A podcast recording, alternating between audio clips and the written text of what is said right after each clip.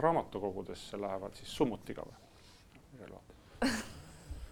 et seda uudises ei öeldud mm, ja mis ikkagi loob nagu selle momendi, et kui nüüd äh, kuulaja meie sedamoodi, sedakordset episoodi kuulama asub, siis ta saab aru, et et me oma sissejuhatava tekstiga puudutasime ära juba maailmaküljed äh, nii Ameerikast äh, kui raamatukogudest ja jõudes tagasi siia EBS-i teise korruse videostuudiosse, kus me täna teeme audioesitlust, on meil hea meel esitleda oma tänast külalist, kelleks on Georg, Georg Merilo ja Georgiga kaasas ka siis arusaamine läbirääkimiste kunstist, läbirääkimistest kui jõust, mis paneb liikuma ja julgusest, mis võib, et just tänu sinule on tõugatud saadud. tere, et sa tulid ja äge sinuga siin ha?. aitäh kutsumast, tulin erakordselt hea meelega.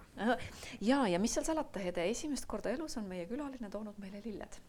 sinililled veel sinna. kingid õie, et teha rõõmu ja rõõmus peituvad kõik ütlemata jäänud sõnad ütles Georg ja leidis oma püksipõlve pealt lisaks rõõmule veel ka lepatriinu, kes on samamoodi täna meie stuudios meiega kaasas. nii et ähm, selles valguses oleme head ja laseme siis jutu ülesse. ja ma kuulasin sind ja see läbirääkimine ja läbirääkimine äh, jäid minu kõrva küsimusena mhm. õhku. räägi sellest no nagu Margit kenasti sisse juhatus, enne kui sa praegu küsisid, siis Äh, lisaks rõõmule on äh, lilled, lilled esindavad ühte olulist kategooriat, mis on tegelikult igal inimesel ka lilledeta võimalik teha igasuguse kommunikatsiooni alguses, selleks on äh, tahetud atmosfäär. ehk siis nii võõrustajad kui ka head külalised, mitu minutit te mõtlete enne oma läbirääkimisi või koosolekuid või mis tahes interaktsioone, mitu minutit te mõtlete selle peale, kuidas luua seal selles ruumis, olgu füüsiline või virtuaalne, kuidas luua see tahetud atmosfäär mil viisil. ütle see mulle eesti keeles ka, mis on see tahetud atmosfäär päriselt, mida see tähendab ole, minu jaoks? et, et ei ole meie ja nemad, eriti kui laua peal on pahandus mm, -hmm. vaid et on meie.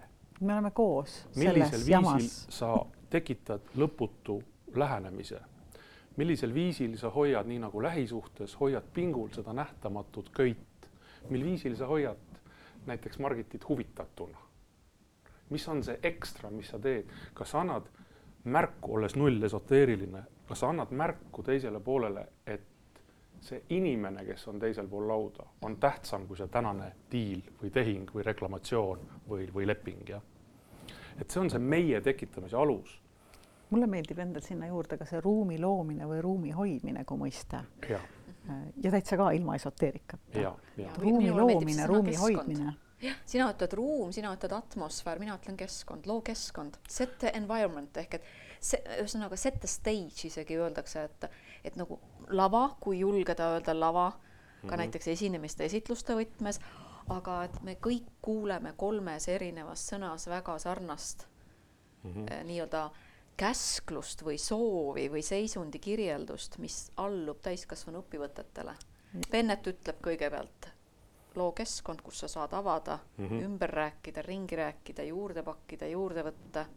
ja no. Georg, sa ütlesid ju nii ilusasti just seda, see lähenemise võimalus, see lõputu lähenemise, lähenemise keskkond, lähenemise ruum mm, -hmm. lähenemise seisund. meiele ja, ja, ja kui see meie on olemas, oletame näiteks, et siin kaks noort daami praegu on läbirääkijad mm -hmm. omavahel, kui see meie on olemas, siis ei ole vaja võtta võtta ka tänapäeval, mil standardiks on muutunud see, et ühte organisatsiooni või ettevõtet esindabki üks inimene ja siis ülejäänud on kas ekraanide kaudu kaasas või võetakse aeg maha. et kui ei ole meiet, tähendab seda, et Hede mõtleb oma asju üksinda ja ise ja loogiline ka Margit sedasama. nüüd, kui on meie olemas, siis selge lakmus on, et te saad, saate teemat, mis on mikroskoobi all, saate mudeldada koos ja vabandust, vaatamata sellele, et ma arvan, et te olete ülivõimekad individuaalselt, kapatsiteet kahest ajust on suurem, millega mudeldada ja seetõttu on võimalik seda asja mudeldada koos ja millegi koos tegemine suurendab meie täpselt samamoodi. seetõttu näiteks läbirääkimistel me kasutame mitte sõna probleem, vaid ülesanne. Sest ülesandel esiteks on nii kuldlõikeline lahendus kui ka mitu erinevat, eks ole, või palju erinevaid lahendamise viise, ent põhiline, seda saab teha koos ja nüüd tulles tagasi, Hede, sinu küsitud äh, läbirääkimine juurde, siis äh, seda on tuhanded minu õpilased, nii täiskasvanud kui noored, on, on seda kuulnud alati esimeses tunnis. läbirääkimised on eesti keeles fantastiliselt ebaõnnestunud termin väga nõus sinuga. jääb mulje, nagu oleks rõhk sõnal rääkimised mm, -hmm. eks ole, nii visuaalselt, nii välte tõttu, täpitähtede ja kokku veel liitsõna ja, ja mitmus, eks ole, mis kõik raskendab. mul oli aegade alguses üks klient ja tänaseks tuntud tippjuht kes õppis ära tehnika, siis ei katses rääkida edasi, sest et ta kartis, et kui ta teeb rääkimises pausi, et mis siis saab ja nii edasi, äkki keegi teine hakkab rääkima. Nii et kui me näiteks võtame tavalise Eesti, ma ei räägi etnosest ega inimeste esimesest keelest, vaid Eesti ärikultuuri läbirääkimised kui me oleme salvestanud päris läbirääkimisi ja siis transkribeerinud selle mm -hmm. läbirääkimiste lõpus, siis näiteks kliendi, kliendiga koos selle läbi vaadanud, projitseerinud selle ekraanile, siis keskmiselt mitte, et ma oleks nagu kõiges Pareto fänn, aga, aga keskmiselt võib maha tõmmata, noored daamid, kaheksakümmend protsenti tekstist, ilma et sisu mõte muutuks. kaheksakümmend protsenti tekstist tähendab, ühes tunnis on raisatud vähemalt nelikümmend viis minutit. ja nüüd, mis on siis õige öelda või, või kus on seal siis see mõte sõna läbirääkimiste juures, on esimesel liitsõna poolel läbi ja mitte läbi kui möödas, vaid läbi kui läbinisti. Mm -hmm. läbinisti ja mida siis läbinisti tuleb arutada või läbi rääkida. läbi ei saa rääkida teemat ennast, läbi ei saa rääkida koostööd, läbi ei saa rääkida lepingut, kavatsuste protokolli, parampara, vaid läbi saab rääkida, antud juhul võtsin prillid kätte, kuna Äh, lepatriinu juba, juba kadus äh, sinilillede sisse. läbi ei saa rääkida prille, vaid läbi saab rääkida asja omadusi. Näiteks prillide kukkumise hääl detsibellides. andke mulle neid hästi vaikselt kukkuvaid äh, Gucci päiksekaid, mitte keegi ei küsi, see on absurd. küll aga mõju, pikaajaline mõju silmadele näiteks või UV-kaitse või millised on olulised, mugavus, püsivus, ilma et pead keskelt kogu aeg tagasi lükkama ja nii edasi. ja mis on siis selle läbi rääkimise aspektist läbi mõte asjade omadustest olulisuse järgi tekib pooltel, olgu neid kaks või minu pärast kakskümmend kaheksa, tekib pooltel päevakord. ja see ongi see kaart, mis rullub ise lahti. pluss, kui nii-öelda läbirääkimiste legendist või memost, kuidas soovite, sellest sisendist, mis pooled kokku toob, kui pooled on aru saanud, millised on seal need olulised omadused, siis on võimalik esimest korda tekitada päris meie ehk leppida kokku päevakorras. Ja nüüd seesama päevakord asja oluliste omaduste kaupa. Jääb esimeseks lahtris, kui hea kuulaja viitsib nagu silmad ette viia selle potentsiaalse nii-öelda graafilise osa, infograafilise osa, siis päevakord olgugi see esimene tulp. sest neid asja omadusi hakatakse nüüd läbi rääkima. Ja nüüd järgmised tulbad ülilihtsalt on poolte positsioonid, nagu nad tulid, näiteks omaduse üks kohta ütleb Margit oma informatsiooni mm, -hmm. omaduse üks kohta ütleb seejärel oma lahtrisse Hede oma informatsiooni. ja klassikaline viga Eesti ärikultuuri ruumis on, et informatsiooni vahetades hakkavad pooled läbi rääkima. aga see on see, millega tuldi, pluss Hede, see on välja prinditud minevikus, isegi kui minut enne pluss on see välja prinditud ilma, Hede, et sa teaksid Margiti informatsiooni. Ehk siis läbi rääkima hakkamine. ma ei saa siin jätta sulle sinusse sekkumata. sest selleks ma olen. Äh, Margitiga meil on mega mõnus tandem ja meil väga sageli jäävad asjad läbi rääkimata, sest meil on see meie olemas. aga ma sind kuulan ja ma, ma, ma tean, et sa võid meile pikalt ja detailselt rääkida läbirääkimistest ja ja kõigil meil on ka vaja seda väga kuulda kui ma sind kuulan, siis mis mulle kõrvu jäävad, on need sõnad eesti keeles, inglise keeles minu enda sees paralleelselt.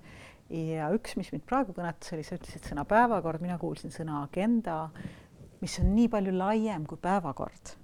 Ma kuulsin sinu ähm, nii-öelda hinnangut sellele sõnale läbirääkimised, kus rõhk on rääkimisel.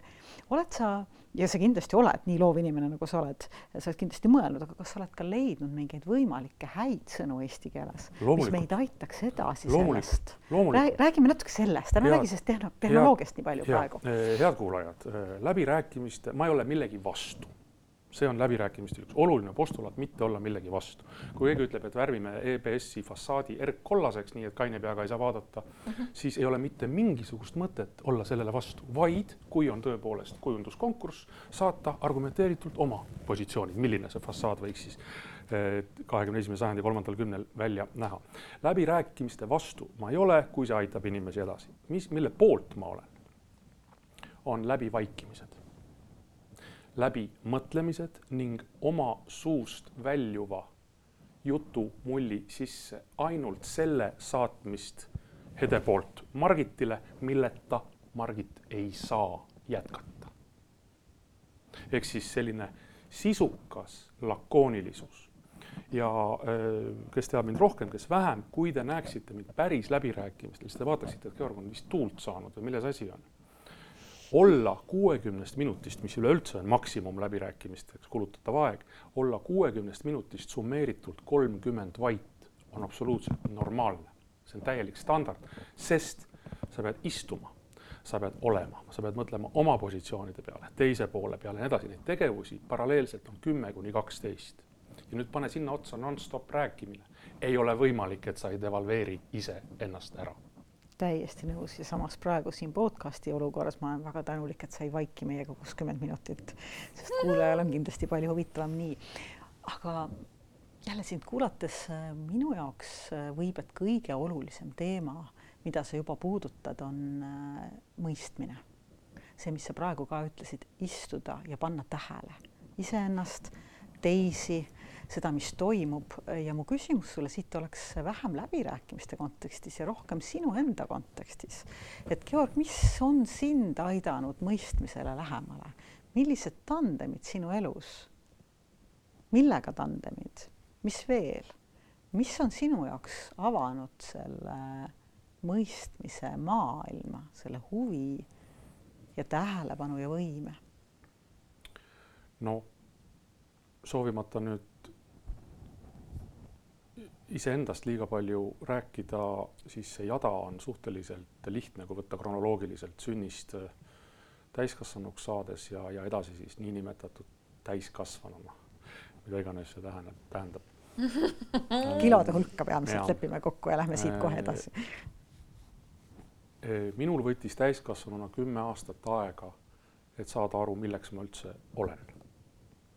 ja kahekümne kaheksa aastaselt avasin ma tollal ühe suure Jaapani ettevõtte Eesti esinduse juhatajana avasin äh, filmide vaatamiseks ostetud äh, videomaki ja ka ekraanikarbid ja ma leidsin sealt seest kasutusjuhendi.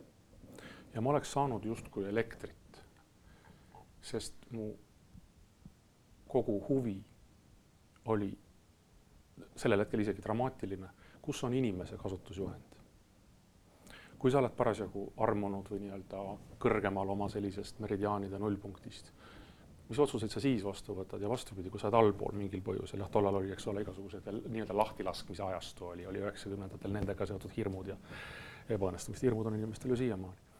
ja kuna ma ei leidnud ei sealt kastist ega ka tollal ikkagi suhteliselt verisulis internetist üheksakümne kaheksandal, siis ma tegin selle ise koostasin selle kasutusjuhendi. räägi sellest natuke, kuidas sa seda koostasid, miks sa seda koostasid, võtsin... miks sul üldse tekkis tunne, et meil on vaja inimese kasutusjuhendit, kui me oleme kakskümmend kaheksa nii-öelda täiskasvanud. mis on see, mida ma teen ja mida ma ei tee mm? -hmm olles huvitatud kõigest tänaseks päevaks, eks olen, olen ma, oman ühte sellist nagu põhimõtet, et tea ühest asjast kõike ja mingi ja paljudest asjadest natukene, ideaalis ka rohkem.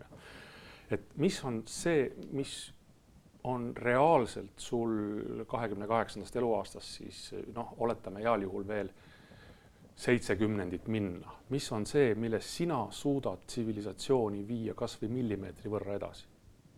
sest kui sa hakkad tegelema kõigega, muutud sa kõigesööjaks, nagu on Eesti koolitusturule iseloomulik, aga see selleks. ja, ja, ja seetõttu ma koostasin kaheksaosalise programmi, mis on ühe kolleegi sõnul kohtlaselt primitiivne ja sajaprotsendiliselt töötav, ehk siis ma alustasin väärtustest. millised on need väärtused, millel ma baseerun praegu ja kuidas need saavad muutuma, arvestades palju siis jääb järjest vähemaks seda resultatiivset aega. ehk siis mul ei mahtunud pähe. siin mõtte... võib kohe küsida vahele. mis on sinu väärtused praegu? oled sa valmis jagama meiega mõnda neist kuulajaga? ma vist olen, aga praegu mul kompass ei läheks sassi, et siis ma ütlen selle mõtte, eelmise mõttekäigu, mõttekäigu lõpuni, et ma justkui taipasin ka siis elu esimeses kolmandikus või ideaalis veerandis, et äh, ei ole mõttekas äh, õppida, kogeda ja siis üheksakümneselt olla võimeline nagu tulistama. ma arvasin, arvasin, et see ei tööta. ja, ja, ja seetõttu püüdsin ja ma olen ka siiamaani ka läbirääkimiste kunsti kaudu, ma olen püüdnud seda tulevikustandardeid ja tekki tuua kogu aeg nagu tänasest, tänast päeva toetama ja kaitsma ja, ja seetõttu ma alustasin väärtustest, edasi olid äh, nagu, nagu, nagu öeldud äh, primitiivsed äh, SWOT analüüs inimese kohta, ehk siis põhimõtteliselt isiklik strateegiline planeerimine. ja tollal ajaloolise tõe huvides ma ei teadnud, et näiteks Ühendriikides on taoline distsipliin ammu olemas ja Mike Shainer õpetab seda, minu, minu hea kolleeg St Louis'i ülikoolist ja nii edasi. ma ei teadnud seda, see oli minu jaoks uudis, et seda enam ma nagu leiutasin selle, leiutasin ise ja, ja, ja siis läks nagu ta läks, ehk siis äh, kuidas ma sain teie kolleegiks mõnes, mõnes mõttes aastal kaks tuhat kaks, mil ma lõpetasin teiste jaoks töötamise teadlikult, kuna äh, noorelt, kahekümne kaheselt sain ma aru, et ei ole võimalik olla korraga noor, vaene ja sõltumatu. Jah, siis ma töötasin teadlikult teiste jaoks äh, kümme, kümme aastat ja pärast seda siis, kui ma sain valmis selle isikliku strateegilise planeerimise kava, olime me sõpruskonnaga suusatamas, isegi ei mäleta, kus kohas, mm, igal juhul mägedes ja, ja esimesel õhtul head reisikaaslased adusid käru, nagu vanasti öeldi, kärakad täis. ja ma ütlesin, et oot-oot, et, et, et me tulime ju suusatama ja aga mis me õhtuti teeme, eks ole, pimedas Mägikülas. ma ütlesin, et mul on kaheksaosaline täpselt nagu on õhtuid, on, on isikliku strateegilise planeerimise kava. mille peale üks, üks sõber ütles, et okei okay,, siis teed meile ka ja kui on jama, et siis ostame ikkagi, aga siis maksad sina kogu käru, nii et mul tekkis nagu selline monetaarne motivatsioon, kui soovid. see aitab, see aitab. ja tagasi tulles, kuna selgus, et see aitas kõiki, see, see ja, ja, ja, ja need eh, minu käsitluses on nii isiklik strateegiline planeerimine kui läbirääkimised on reaalaine oma olemuselt, ehk siis ta on matemaatiline, ta on loogiline, kui viga tuleb sisse, siis lõpptulemuses, kui sa vaatad lõpptulemus isikliku strateegilise planeerimise kavas, ei ole sina, siis on seal viga sees, sa ei ole ausalt andnud sisendit ja nii ta läks, tagasi tulles tellis üks, teine, nii et, tollest ajast olen ma vabakutseline täiskasvanu, nagu eesti keeles öeldakse, koolitaja. järjekordne ebaõnnestunud sõna koolitus, Hede nagu koolita olek, koolitus jah ikkagi tagasi minu küsimuse juurde, millega ma sulle enne sisse sõitsin ja sa tahtsid kompassi hoida. mis on sulle oluline, mis on need väärtused, mis tänane Georg, mis on sinu tandemis iseendaga need väärtused, mis olulised on? no midagi glamuursemat kui perekond ei ole maailmas olemas ja mis puudutab kuulamist, arvestades, et meil on, ma loodan, lisaks äh, minu abikaasale veel mõni, mõni äh, kuulaja, siis ähm, äh, tandem abikaasaga, kui sul on sõber, siis noh, see on äh,, see on kirjeldamatu, millise jõu annab sulle sõber. ja kui seal on veel armastuse koefitsient, siis see on mitte kuul pähe, vaid pide tühjaks. ja mis puudutab kuulamist, ma hakkasin ütlema, siis äh, te saate pärast ka välja lõigata, kui, kui ei peaks sotsiaalse õigluse tõttu sobima, siis näiteks oma naise ärakuulamine on kriitiline osa eelmängust. alati oma naise kuulamine. ka oma mehe kuulamine. jah, mul seda kogemust ei ole kõik on alles ees, nagu öeldakse. et jah, ma usun, et usun, et need ja, ja mis puudutab laiemalt, siis sellist eriala, kõik kokkuvõttes, kuna see on justkui see läbirääkimine on ka samamoodi minu laps ja, ja tänaseks minu koolkond, eks kuu aja pärast saab kakskümmend aastat täis, siis äh, ühel hetkel ma sain aru, et teatud osa täiskasvanutega on hilja neid muuta või tekitada muutumiseks. ainult teatud osa täiskasvanutega? teatud osa on ka või, või on, on vedanud lihtsalt äh, täiskasvanud õpilastega mm. ja seetõttu ma sain aru, et ma pean minema noorte kallale kõige paremas mõttes ehk siis minu unistuses on Eesti esimene riik, kus äh, kõik koolinoored saaksid õppida läbirääkimiste kunsti juba noorena. ja see unistus on, on äh, täitumas täna, eile-üleeile, üleeile lõpetas Vil Viljandi Kultuuriakadeemias järgmine järjekordne lend, nii et kokku kakskümmend kaheksa kooli. et kui te lihtsalt mõtlete, et kümme aastat tagasi ei võetud mind haridusministeeriumis jutule, tänaseks õpib kogu haridusministeeriumi juhtkond minu juures, et nad on võtnud tohutult aega, ent miks, mis väärtustel Hede see, see, see baseerub, on nagu ka kõlab minu läbirääkimiste kooli moto, et ka väike saab olla suur. et meil ei ole oma ühe koma kolme miljoniga varianti. me peame leidma see, millest me alustasime, selle meie me ei saa, mina Margitit saata sinna kohta, Margit Hedet, Hede Helimeest, Helimees mind ja vaadata kümne aasta pärast, et mis katsest sai. meil ei ole seda varianti. Me ei ole see ühe koma kolmene väike küla Hiinas teeks taolisi katseid, meil ei ole varianti. me peame leidma viisi ka siis, kui teine inimene käib ajudele või kui ei tahaks. ja see meie tekitamise viis koos siis konkreetse läbirääkimisoskustega on see, mida ma äh, iga kord püüan kui soovite, siis sellise fatalistliku pragmatismiga, et ma püüan iga kord anda maksimaalse kursuse, maksimaalse kursuse, müümata ennast, vaid anda selle kõige suurema väärtuse, et väljuksid äh, läbirääkimiste ninjad, kes suudavad seda teha Tallinnas, Võrus, New Yorgis, maailma tasemel. siit ma kuulen ühte väärtust, mida sa sõnana ei öelnud sinna perekonna ja abikaasa tandemi ja selle jutu juurde, see on fookus, keskendumine ja Margit, ähm, sa oled siin saanud kuulata, kuulata ja kuulata mm. -hmm. Ja meie Margitiga ju mõlemad oleme väga teadlikud sellest, et ka väike saab olla suur. Ähm, me usume sellesse ise väga, et väike ongi suur. see võib olla ainus asi, mis mõni päev aitab meil teha ära suuri asju. mida sina, Margit, kuulnud oled praegu mm? -hmm.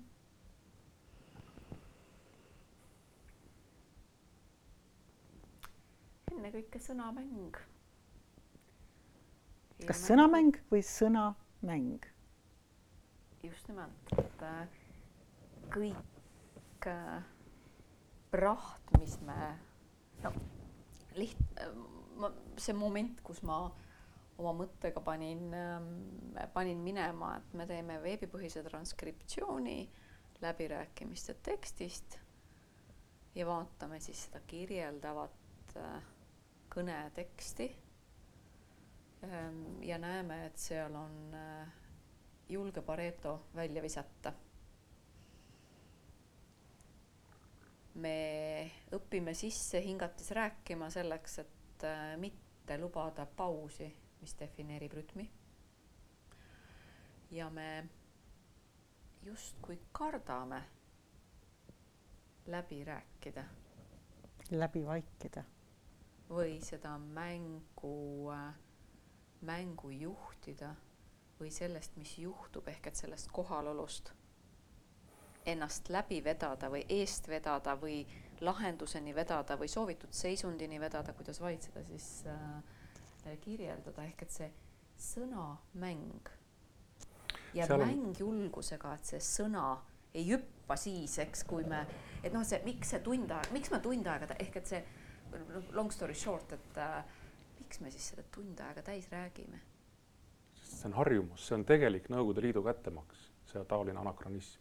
ma olen teinud ettepaneku mõne oma kliendi juures, kus on pika jutu mehed, et jätkame kuuekümnendast minutis edasi seistes ja see on fenomenaalne, kuidas umbes kolmandal minutil ütleb seni kõige rohkem kõnelenud isik ütleb, et põhimõtteliselt sai juba ju räägitud küll, et hakkame vaikselt kokku võtma, istudes seda ei juhtu. see on uskumatu et Margit, sinu kommentaari juurde tagasi tulles, sõnamäng, nagu Hede väga mm. kenasti poolitas, eh, seal on veel üks tandem, tervisi teie mm -hmm. tiimile, seal on veel üks tandem, nimelt mõtte ja sõna tandem. oi, kuidas see mulle meeldib. ja mõte tähendab, et sa pead suutma otsustada enne, kui avada suu jutumulli täitmiseks, pead suutma otsustada, mis sõnu teine pool vajab sellest. ja siin aitab Martin Veinmanni kuulus kolme sissehingamise võte. kui Margit Hede käest midagi küsib, Hede naeratab, nagu praegu, head kuulajad eh,, nii-öelda sain, nagu tänapäeval noored ütlevad, jah. esimese hingamisega mõtleb Hede, mida Margit küsis ja miks ja hingab välja. Teise sissehingamisega Ede välistab nüüd kõik need assotsiatsioonid, mõttepaljususe, mida kõike veel tahaks öelda ning valib kogu sellest spaghetti junction'ist, valib välja selle ühe asja. hingab teist korda välja ja kolmanda sissehingamise järel täidab Ede poolt jutu mulli ning saadab selle elegantselt teele Margiti poole ning sulgeb suu vajadusel surudes kinni lõuapärad. Või siis naeratades. mõte ja loomulikult mõte ja sõna omavad vot taolist. ehk siis arvata, et Margit on Hede vastas, antud juhul siis sparringupartnerina, istub täiesti tühja peaga kõrvade vahel kosmos ja ootab ahmides ainult seda, mida Hede ütleb ja peaasi, et see kestaks vähemalt viis minutit see on absurd, eeldamine üldse on läbirääkimistel kõikide untsuminekute ema, nagu te teate. ei saa eeldada, et Margit vajab kõike seda, ei. kui Hede küsiks näiteks kuus küsimust, siis eeldada, et Margit tõuseb püsti, teeb kniksu ja hakkab Hede huvides kõigile kuuele järjest vastama, seda ei juhtu mitte kunagi. Ja see kõik kokku viib Hede devalveerumiseni kõnelejana. Ning läbirääkimistel on see fenomen, noored daamid, et pole oluline, kumb pool teeb vea see saab mõlema poole veaks ja vastupidi, matemaatiliselt, nagu ma ennem ütlesin, pole oluline, kumb teeb õigesti, see aitab edasi mõlemat poolt. nii et minu Muhu monoloogi lõpetuseks selles kontekstis mõte ja sõna tähendabki, mikspärast läbirääkimised ei tööta ja seetõttu annan definitsiooni headele kuulajatele, mis baseerub just nimelt mõttel. läbirääkimised minu käsitluses ei ole mitte midagi muud kui teise poole ootuste struktureerimine. Margit on täpselt nii kõva läbirääkija, kuidas Hede saab enda ootuste järgi struktureeritusest aru. nii et seetõttu mäng hakkab palju enne, kui esimene tere läbirääkimiste laua taga või e-kutses ja nii edasi ja osa sellest mängust on teadasaamine, kes on see meie liigikaaslane. rääkides homo sapiensitest ja minu käsitluses, nagu ma teile ka sisendis kirjutasin, eh, võiksime me jõuda järgmiseks homo passiivsentsini. nii. mis on siis läbirääkiv inimene. kuna praegu on kõikvõimalikud homoteusid ja asjad, eks ole, võib-olla hetkel enam mitte tippmoes on ju Harari oma teostega et enne, kui on tulemas äh, üles keeratud äh, ai äh, küborgid ja nii edasi, siis võiks sinna vahele mahtuda homo passiivsens ehk läbirääkiv inimene. see on keskaegne termin tegelikult ka jumalakartliku inimese kohta, aga ütleme niimoodi, et ladina keeles läbirääkiv inimene võiks olla liigina nüüd samm edasi, seesama üks millimeeter tsivilisatsiooni, mida ma ennem nimetasin, läbirääkiv inimene. kuidas teha nii, et läbirääkimistel oleks Jumal kaasas? Selleks peab olema inimesel jumal kaasas ja ennem kui ma hakkasin rääkima, kuidas siis minu nii-öelda areng pihta hakkas ja mis väärtused, siis, siis jäi pooleli sealt üks erakordselt oluline moment, kuidas saada heaks. on, ei ole valikut, vaid tuleb äh, saada egoismist lahti. ehk altruism on uus must. ja altruism on meie jaoks hädavajalik suhtumine. mis sa teeks siis, kui sa saaks teist poolt ära kasutada kas sa teeks või mitte. või sa käitud kogu aeg, nagu ma kutsun, armutu aususe ajajärgu kohaselt. ehk siis, mis peab juhtuma, head kuulajad, et te saaksite läbirääkimistel loomulikult oma strateegia ja taktika põhiselt, ent järjest avada kõik kaardid. kas te saate seda kõige paremas mõttes provotseerida? et kuidas sünnib see usalduse poeg? nagu ütles kadunud Enn Soosaar, kui ta ei teadnud mõnda inimest, kellest oli juttu siis Soosaar küsis, on ta normaalne inimene? see oli kõik, mis Enn vajas, et anda hinnang. et seesama normaalsus ei ole mitte kusagile kadunud ja juhul, kui meie seas on ka siin äh, nõrgemast soost kuulajaid ehk mehi, siis üks kategooria, mida Eesti kultuuriruumis millegipärast peljatakse meeste poolt, mis on ka nõukaaja anakronism, on armsuse kartmine läbirääkimistel ja see ei ole lihtsalt naeratus või, või, või selline hoiak, sisemine naeratus, vaid kuidas demonstreerida oma liigikaaslasele armsust, et sa tahad siin olla, et sa oled kohal. lihtsalt sa pead, nagu ütleb Esa Saarinen, tegema realistlikud kokkulepped. sa ütlesid ühe toreda, palju toredaid mõtteid, aga üks, mis mind jälle kõnetas, oli see, kuidas sünnib see usalduse poeg. Ja mulle tundub, et selle küsimuse mõttega me võiksime oma kuulaja saata praegu pausile ja olla nende mõtete juures tagasi juba mõne hetke pärast. kuidas nad otsivad? usalduse poeg.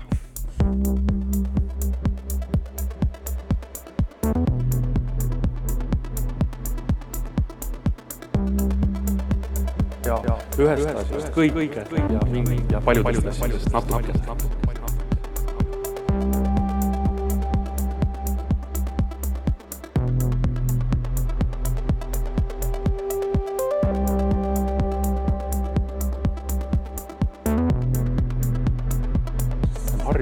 harjumus, see on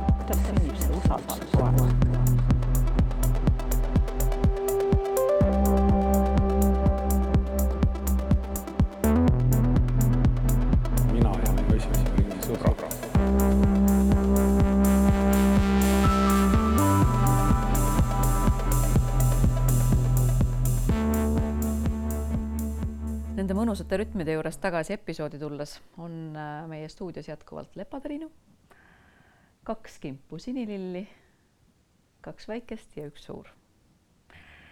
Georg, me palusime kuulajatel käia kord otsimas seda usalduse poega.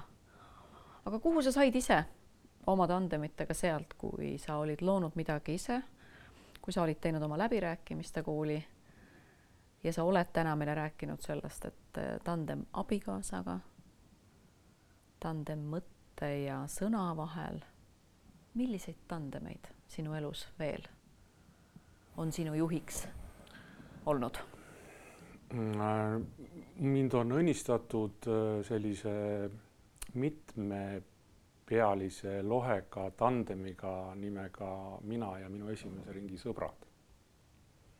Ja, ja mul on näiteks üks äh, sõber, äh, kellega me oleme kokku leppinud umbes viisteist aastat tagasi, et kui emb-kumb meist läheb ülbeks, siis tohib tulla läbi ja anda üks kolks vastu hambaid pasunasse? jah. ja see töötab ja see töötab mitte sellepärast, et ma kardaks ja ma oma teada ei ole ka ülbeks läinud. on seda juhtunud? Kartmist või ülbust? ei, ma mõtlen seda vastu hambaid andmist. ei ole, ei ole, ent Väga see istub, istub, Hede, kui soovid, sellise mentaalse furunklina istub mul peas, ehk siis ma korrutan oma tegevused läbi. ja kui rääkida usalduse pojast, siis retrospektiivis need äh, vähesed korrad elus, mil ma olen omakasupüüdlikult käitunud ebausaldusväärselt, need närivad mind siiamaani ja ma ei tea, mida ma teeks, osasid neist inimestest pole elus, õnneks neid episoode on vähe.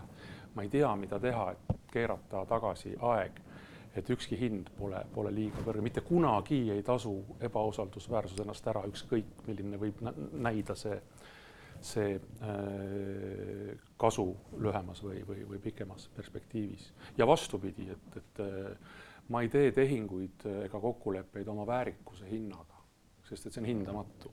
Vastasel korral ma oleksin teie ees kui, kui ükskõik mis valdkonna prostituut ja et seda, seda ei tohi teha, et läbirääkimistel me kutsume taolist käitumist, kutsume variantimiseks ja et see on midagi kohutavat läbirääkimistel. kas ma saan aru, et siis ikkagi vastaspoole väärikus peab alles jääma, no matter what? ja no vaadake. iga poole väärikus. vaadake tandemi tüdrukud eh, kohe näha, et, et minu juures klassis ei ole tükk aega nüüd käinud, et juba, juba väga ammu ei kasuta me Margit sõna vastaspoolt, juhul kui me ei ole kohtuosakond, tõepoolest mm -hmm. juristid, kes käivad ja vastandavad ennast. et nagu alguses rääkisime, lõputu lähenemine ja ka sõnaliselt kõik, mis vastandab, ei ole okei okay. teine pool, potentsiaalne koostööpartner või nagu lapsed, kes lähevad esimesse lasteaeda, tulevad koju esimesel päeval, mul on uus südamesõber näiteks. ja uus südamesõber ja sa nii toredasti oma tandemitest rääkides, sa tõid lauda selle mitmepealise lohe oma esimese ringi sõbrad ja sa tõid nii toredasti lauda selle tandemi väärikusega mm. -hmm. ja väärtustega. räägi sellest natuke veel. no kui oled sealsamas äh,, olles viiekümne aastane, oled, oled parasjagu allpool oma seda äh, Karlssonit ja meest äh, parimas headuses mm,, siis äh, kui, kui sul on sõber, kelle käest sa saad küsida esitada oma mõtted ja küsida, kas ma olen olnud vale. ja sa tead, et kui sa oled olnud, siis see peegel ütleb sulle küll äh, natuke teise ilmega, ent ütleb. et see on midagi erakordset ja, ja, ja, ja, ja, ja juhtumisi need minu esimese ringi äh, sõbrad on äh, ka minu lemmikmehed ja, ja, ja need sõprused on alanud kõik mitte nagu praegu ütleb, ütleb üks luuletaja ütleb, et mitte keegi pole enam mitte keegi, siis vot tollal ei olnud meie mitte keegi.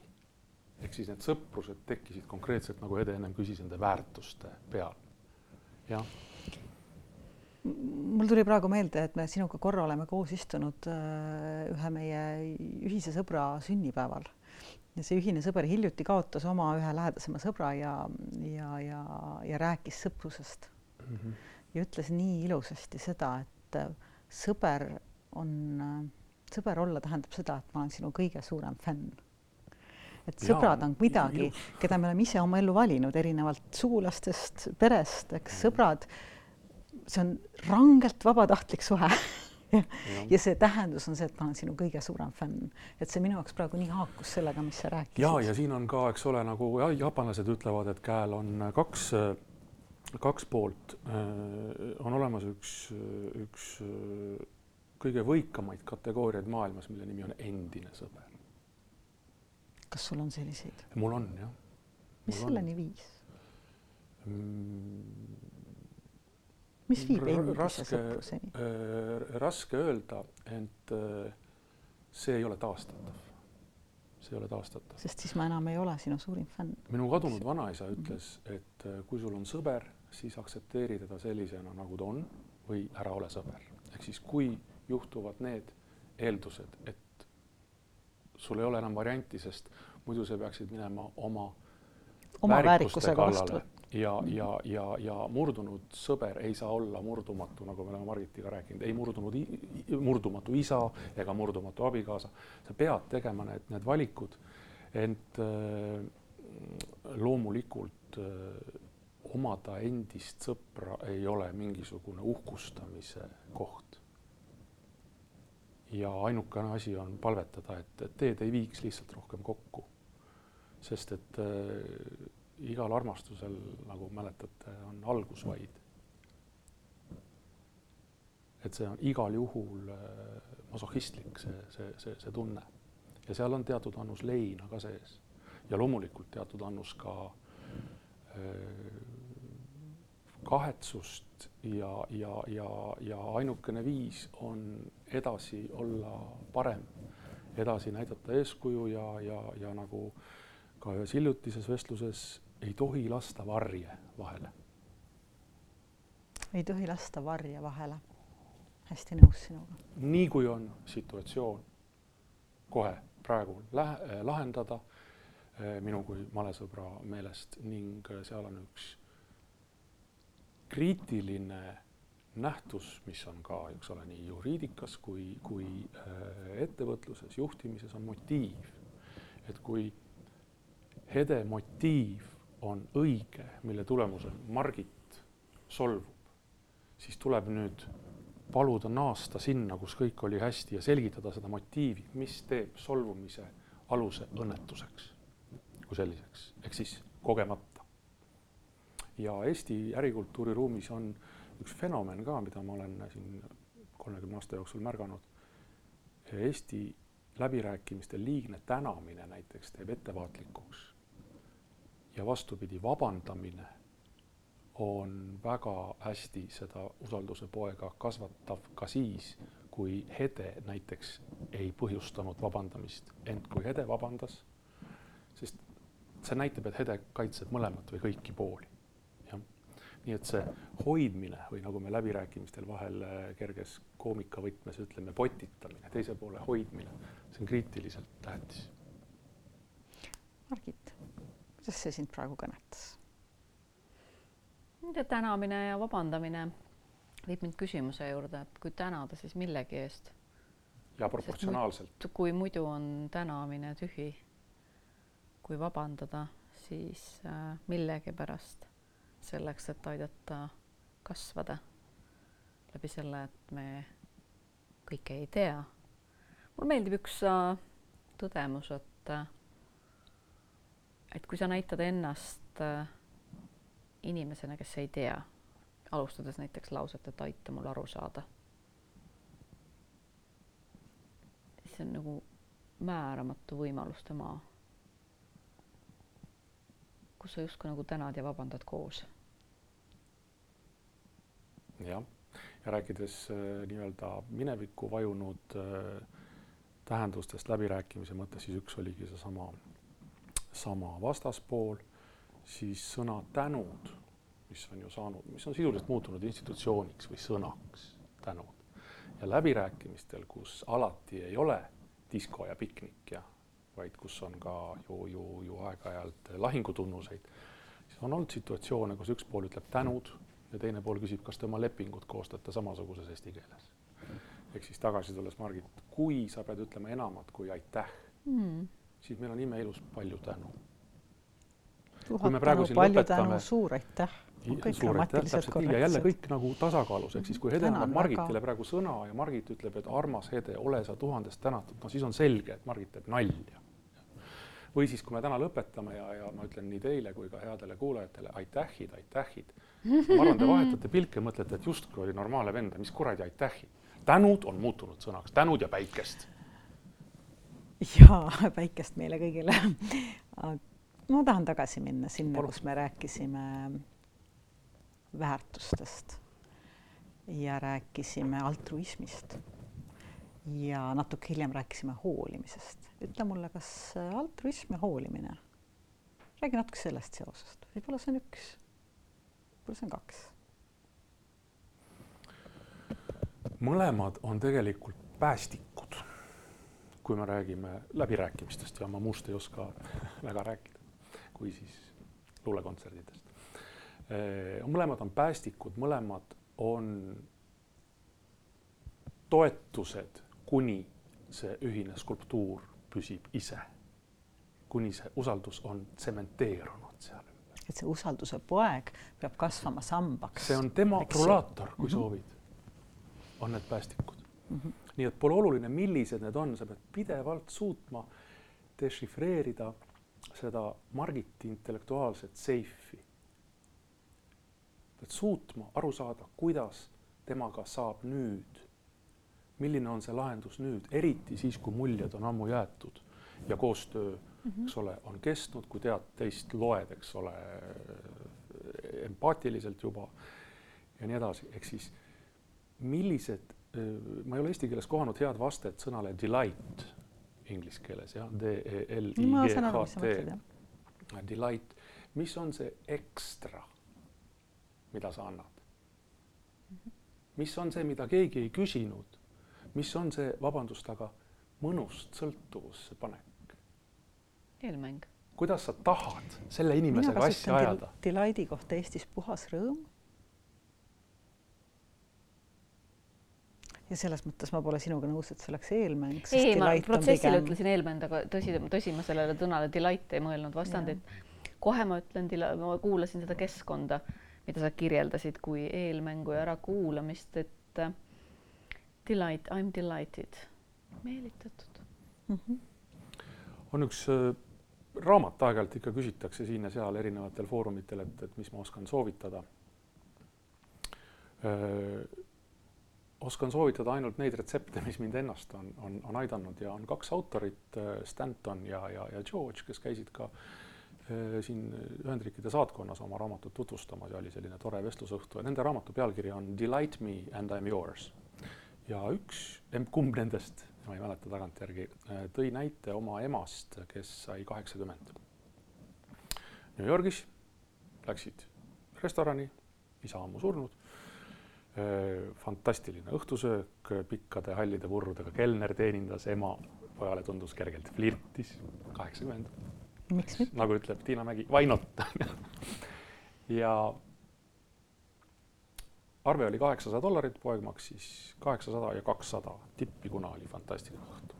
nüüd see Delight maja poolt oli, nagu me kutsume, oli kaheksakümmend kollast roosi.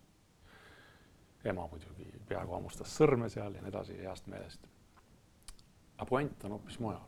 puänt on selles, et kui nüüd siis see autor läheb järgmine aasta emaga, kes saab kaheksakümmend üks, mis on palju olulisem kui eelmine kaheksakümmend ümmargune, siis õigustatud ootus on kõik see selle raha eest ja tipi eest, sealhulgas ka kaheksakümmend üks kollast roosi, see enam ei ole delight.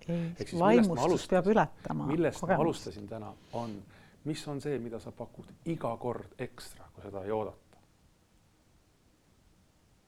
mitte läbirääkimiste nii-öelda objekti osas tingimusena, vaid see miski, see, mis paneb teise poole ütlema siis, kui padjasõda on läbi ja suled kõik maandunud, paneb mõtlema, et oli normaalne inimene.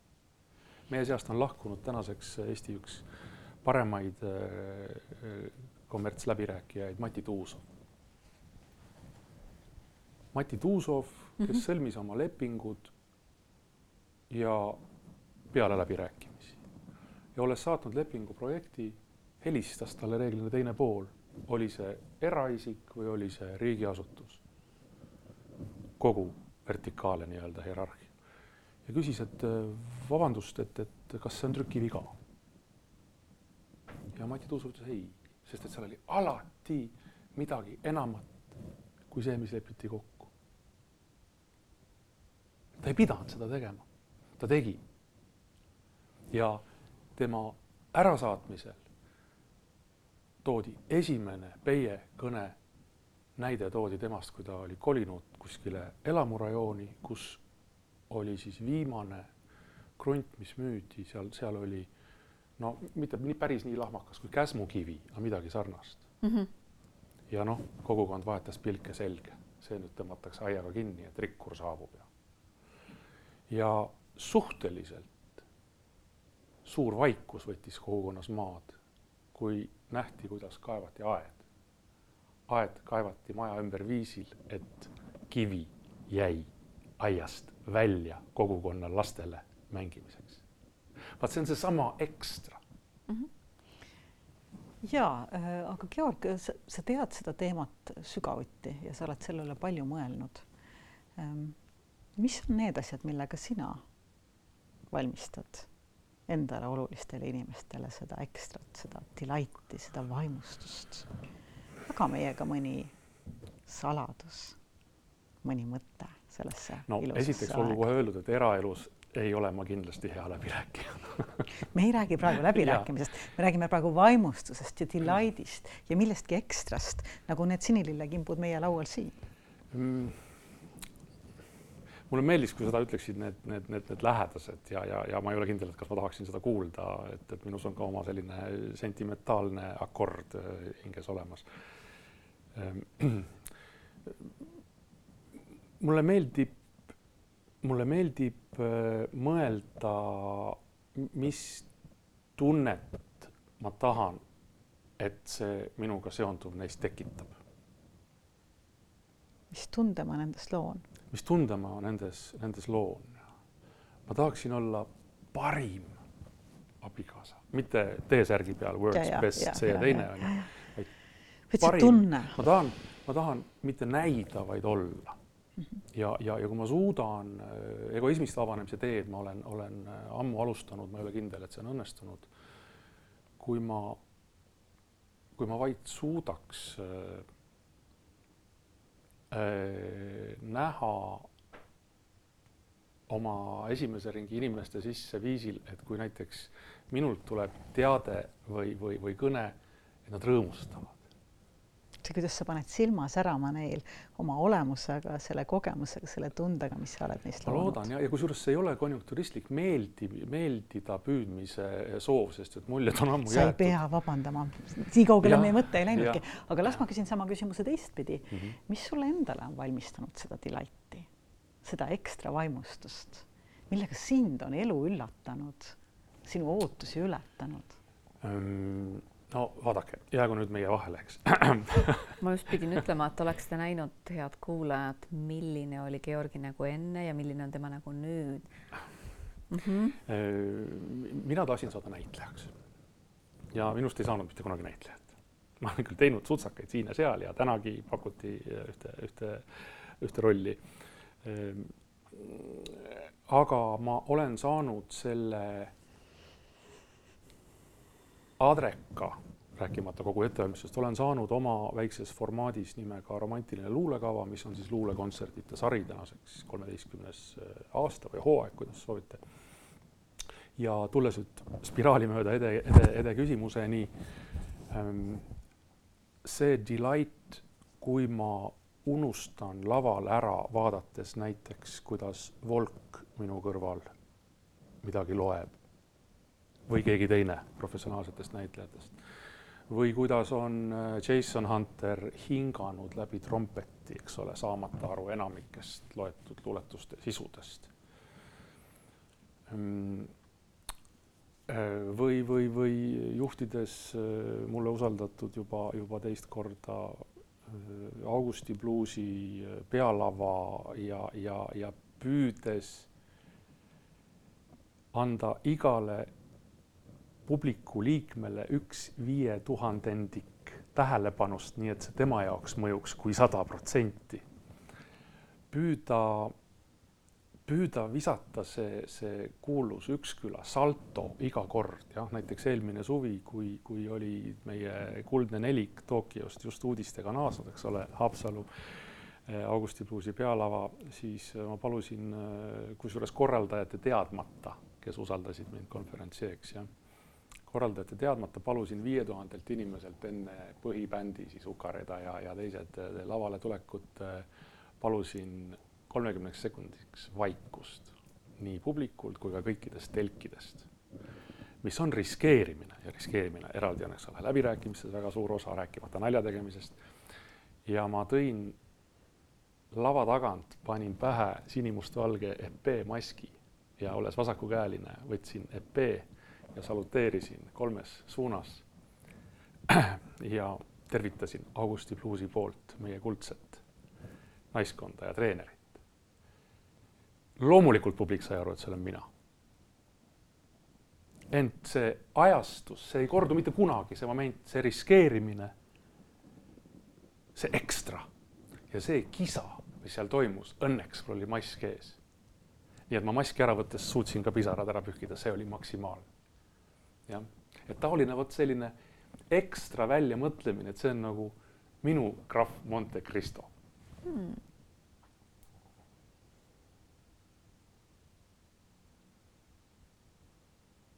see paus kuulub siia saatesse praegult nii mõnusasti ära. et see on segu läbirääkimised, nagu Hede ennem ütles, et jätame korraks kõrvale, ta on nagu integreeritud segu, et ühelt poolt olla see läbirääkimiste, kas siis äh, vahendaja või õpetaja ja teiselt poolt kogu see loominguline pool. ehk siis kuidas mitte olla õpetajana meelelahutaja, aga teha seda viisil, et see on ka meeldiv ja seesama tahetud atmosfäär õppim-, äraõppimiseks või selgeks õppimiseks eelduste loomine. ning samas kogu see struktureeritud mõtlemine ka näiteks luulekontserdite puhul täpselt samamoodi luulekontserdides me püüame tekitada professionaalse muusiku ja teise näitlejaga kolmekesi selle mitme peaga lohe.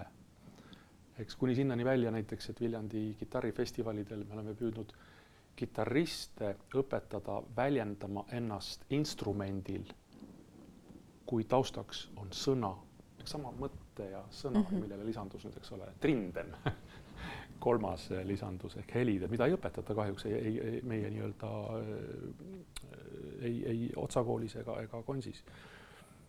ja mis on täitsa uus maailm jälle, jälle instrumentalistide jaoks ja, ja kõik see aluseks taas on publik. et publik peab saama samad emotsioonid nii sõnades kui helides, mis viib nende mõtte kusagile jah, kusagile oaasidesse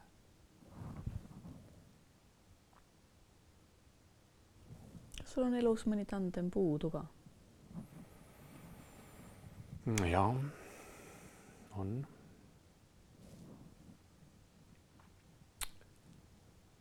on, on.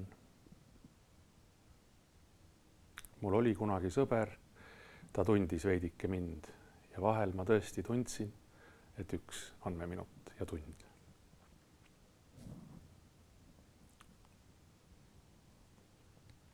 tandem leinaga on üks, mis meid elus aeg-ajalt ikka tabab. olgu selle leina põhjuseks siis üht või teistlaadne kaotus või ja, puudujääk. ja siit, Hede, tulebki, mis ma enne nimetasin, see fatalistlik pragmaatilisus, kui soovite, anda ennast iga kord maksimum, sest ükskord on viimane. tandemi moment või podcast mm. või õpetus või esinemine, miks mitte siis iga kord anda ennast maksimumi, sest osalejad, olgu nad kuulajad, õpilased, koostööpartnerid, nad tunnevad sellest, selle ära, kui sa annad endast kõik.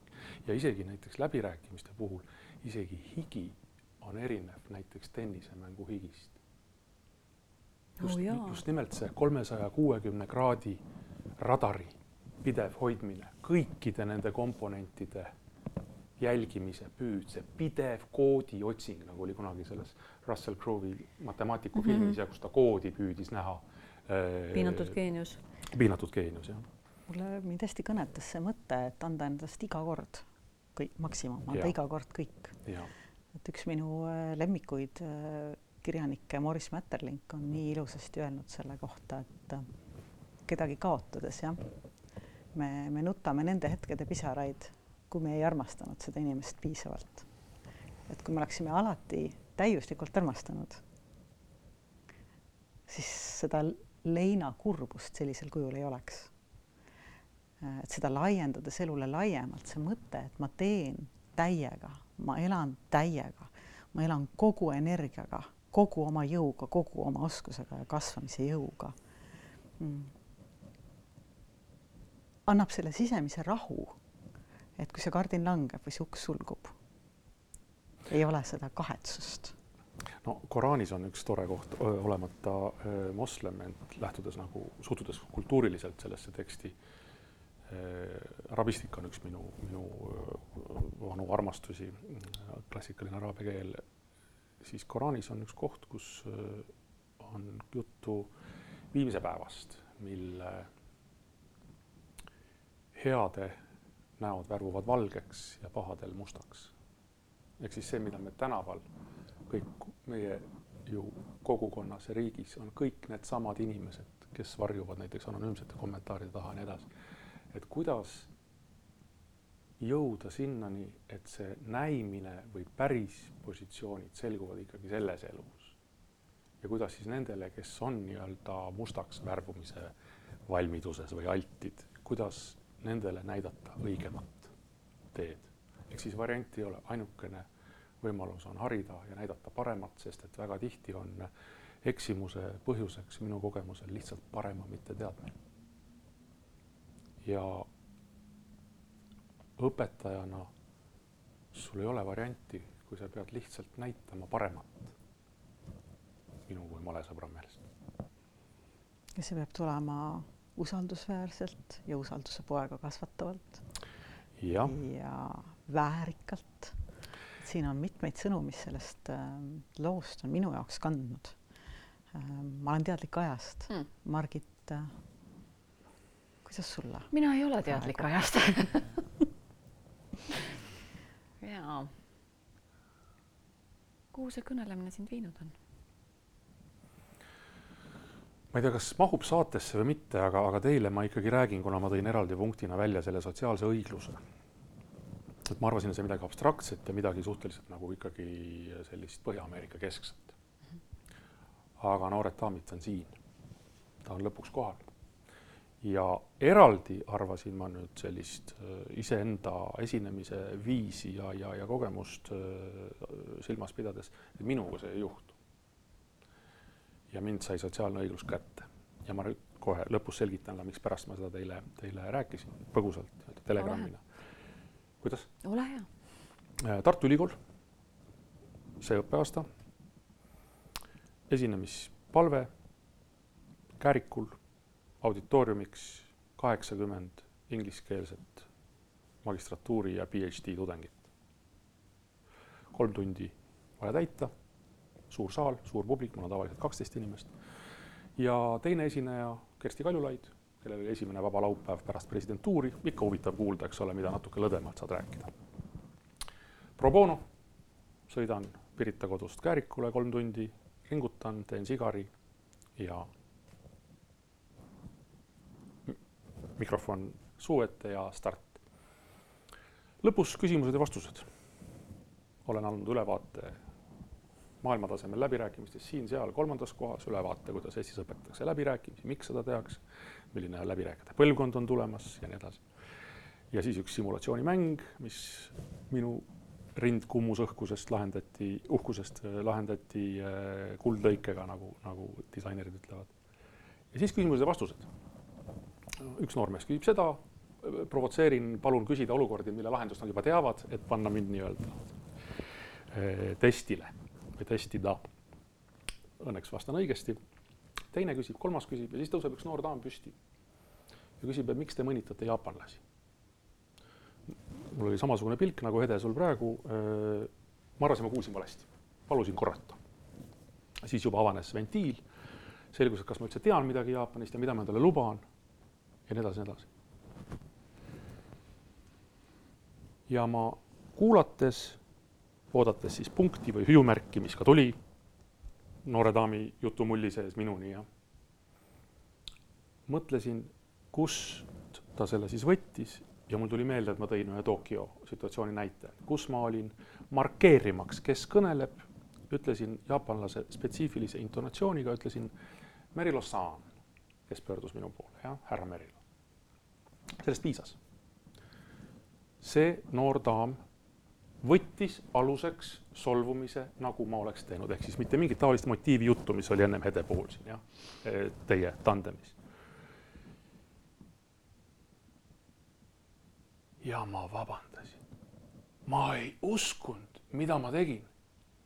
ma vabandasin, kui see neile tundus solvavana. ma ütlesin, et maailmas on üks inimene, keda ma narrin mastaapselt, see olen mina ise. aga neid inimesi on ka ainult üks, isiksuslik kordumatus, kui soovite. Ja see selts, seltskond, see laudkond solvus ära. ja ma oleksin pidanud saatma perse. sest mu motiiv oli õige. ja ma kindlasti ei mõnita Jaapani, seda enam oma endisi koostööpartnereid. just nimelt. ja ma olen käinud viie aasta jooksul korduvalt Jaapanis, elanud seal, olles Jaapani ühe suurima firma to tollase Panasonicu Eesti esinduse juhataja viis aastat. ja, ja siis oli kõik lõppenud ja siis tuli juba Kersti Kaljulaid. ja siis ma läksin koduteele ja teate, mul oli klomp kurgus ja ma küsisin, lihtsalt ajaloolise tõe huvides, ma küsisin instituudi omade käest, kes mind palusid mm. -hmm. mida nemad kuulsid? mida nad kuulsid mm -hmm. ja nad ütlesid, et ma olin sada protsenti õige, aga see on järgmine põlvkond, kellega tuleb arvestada. et esineb ka taolisi sotsiaalse õigluse momente. Ja miks ma seda räägin? solvumine on ammu üle läinud. kuhu see viib? see viib külalislektorite nagu mina või, või sõber Jaan Toomik Kunstiakadeemias, see viib eelkohitsuseni verbaalses ja esinemise mõttes, ehk siis me korrutame ette läbi selle koefitsiendiga, et mis juhtub, kui on tudeng sõna, sõna vastu õppejõuga. Õppejõud ei, ei võida seda enam mitte kunagi, tudeng võidab alati minu jaoks siin ei ole isegi nii oluline see võitmine või mittevõitmine. minu jaoks see, mida ma kuulen sinu jutust, on eheduse kaotamise risk. see on teine tahk. see on midagi, mille üle mul oleks äh, määratult ja. valus. ehk siis minusugused, ma ei pea ennast mingiks etaloniks, aga ma püüan, ma tõepoolest püüan iga kord sõltumata kliendist teha nii, et if you can make it here, you make it anywhere, eks ole, New York, New York. et ma pean mõtlema ette selle peale, et ma kohendan selle nüüd igati sobivaks selleks mudeliks ja kannatab kokkuvõttes see tudeng. sest et ma ei saa olla enam see päris nagu, nagu Raivo Trask, kui ta tuli esinema, siis ta hakkas värisema esimest luuletust lugedes ja kui luulekava sai läbi, oli värin ka kõik möödas. Eks, et inimesed erutuvad erinevalt ja nii edasi, elavad läbi oma asja äh, erinevalt ja lihtsalt äh, noored daamid ja, ja, ja kuulajad äh,, see on Tartu Ülikool, vaba mõttekants. et ma olen, vabandust, see põlvkond, kelle jaoks õppejõud on eluks ajaks graveerinud midagi pähe eeskujudena, teadmiste läbi ja nii edasi. ja see lõigatakse lihtsalt läbi, sest et sa pead olema konformistlik, sa pead, sa pead nagu olema nagu ette öeldud. ja kõikvõimalikud tagasisided näiteks poole kursuse pealt, et näiteks kirjutab üks tudeng, et ülikoolil, et ta ei ole veel otsustanud, et kas õppejõud Merilo talle meeldib või mitte. vabandust, ma ei läinud sinna meeldima ma läksin sinna õpetama. ma läksin sinna äraõppimiseks eeldusi tekitama, et väljuksid ninjad, tulevased diplomaadid, need teised, kolmandad. Et vot need on asjad, mis nii-öelda, kui me räägime päris jutte, kui me ei näi, vaid oleme, need on asjad, mis äh, Anno Domini ikkagi äh, häirivad mastaapselt. ja teevad äh, murelikuks ja ettevaatlikuks. mul on hästi hea meel, et sa seda meiega jagasid. ja meil Margitiga omavahelise tandemi puhul ehedus on, ma arvan, et peaaegu et kõige võti ja mõõt. ja mul on hea meel, kui ka meie stuudios see eheduse rõõm on meie külalise jaoks, see ruum, eheduse ruum on olemas. eheduse rõõm, eheduse ruum ähm,. ja mulle see... meeldib, et Georgis on olemas see ehedus. ehk et sa saad aru, see ehedus, see ehedus kui ja mõelda nende esimese põlvkonna sõprade peale Hmm. siis äh, mõnikord tead, tuus olemine ja selles tuusast tuumani kuidagi liikumine ja sealt edasi lahti laskmine teadmisega, et nüüd edasi sa kas aktsepteerid. ja ma olen vahel oma elus olnud ise oma põhimõtete ohver. ent teisiti ei saa. teisiti ei saa Hede. Ma mõtlesin korra läbi seda kuulates, et teisiti ei saa, mõtlesin läbi seda teekonda, mis me siin stuudios praegu koos oleme läbinud. mida sina enda jaoks siit vestlusest täna kuulsid? no ma kuulsin esiteks juba kutsest siia, kuulsin seda, et te osutate tähelepanu eh, kõigepealt minu valdkonnale, läbirääkimise distsipliinile, sest Eestis ei peeta seda sugugi kõikide meelest äh, eraldiseisvaks kunstiks, mida õpitakse, harjutatakse ja nii edasi. esiteks. Äh, teiseks, äh, ma olen üllatunud, et teid huvitas, kes on selle distsipliini või, või nii-öelda minu koolkonna taga et teid huvitas, kes ma inimesena olen just nimelt eetris ja see mind üllatas ja ma ei pruukinud muidugi olla kõigeks nii-öelda kohe vastamisvalmis, ent see oli teie nii-öelda äh, tennise keeles edu ja ja nendes hetkedes, kus sa olid valmis, mida sa kuulsid iseenda kohta siit saatest, iseendast häälega välja rääkides või jättes ütlemata? minu meelest maksimaalse hea kvaliteediga küsimus. mind huvitab, mismoodi ma olen täna selleks kellaajaks võimeline sünteesima nüüd uuesti ja üle ehk siis ma jälestan trafaretsust. ja ma panen iga kord, me oleme Margitiga sellest varem mm -hmm. rääkinud, oma õigsuse kontseptsiooni küsimärgi alla. nii et, et te saite selles mõttes, saite ka siin sellesama fatalistliku pragmatismi kätte, et kui praegu on viimane intervjuu, jah, siis see mees jama ei ajanud. nagu ma läbirääkimisel alati soovitan, kas te saate panna seina peale kirja zero bullshit läbirääkimised või ei saa, kas te ajate jama või mitte. Kuidas Margit oli? kas me saime Zero Bullshit saate? mida sina kuulsid mm? -hmm.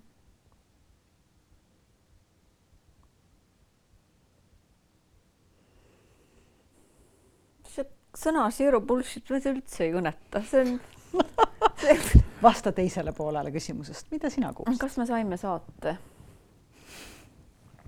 kas üldse salvestati? Ja, ja nüüd kostab taustal hääl, nii mm,. mis ma sain? ma sain mõju.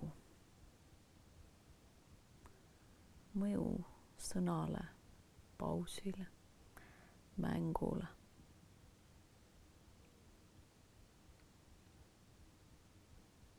ma sain. sa ise?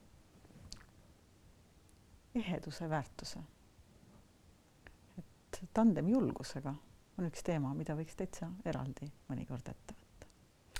ja sind kuulates, Georg, eriti seda lõpuosa, siis see, milliseid küsimusi esitada ehk tandem küsimustega, kuhu saab nii vastata, et ma olen alles teekonnal, ma veel ei tea, kas Georg, õppejõud Merilo meeldib mulle või ei meeldi annab mulle hea võimalus öelda, et seda episoodi nüüd siin täna ka kokku võttes me ei küsi, kes peab kellele meeldima.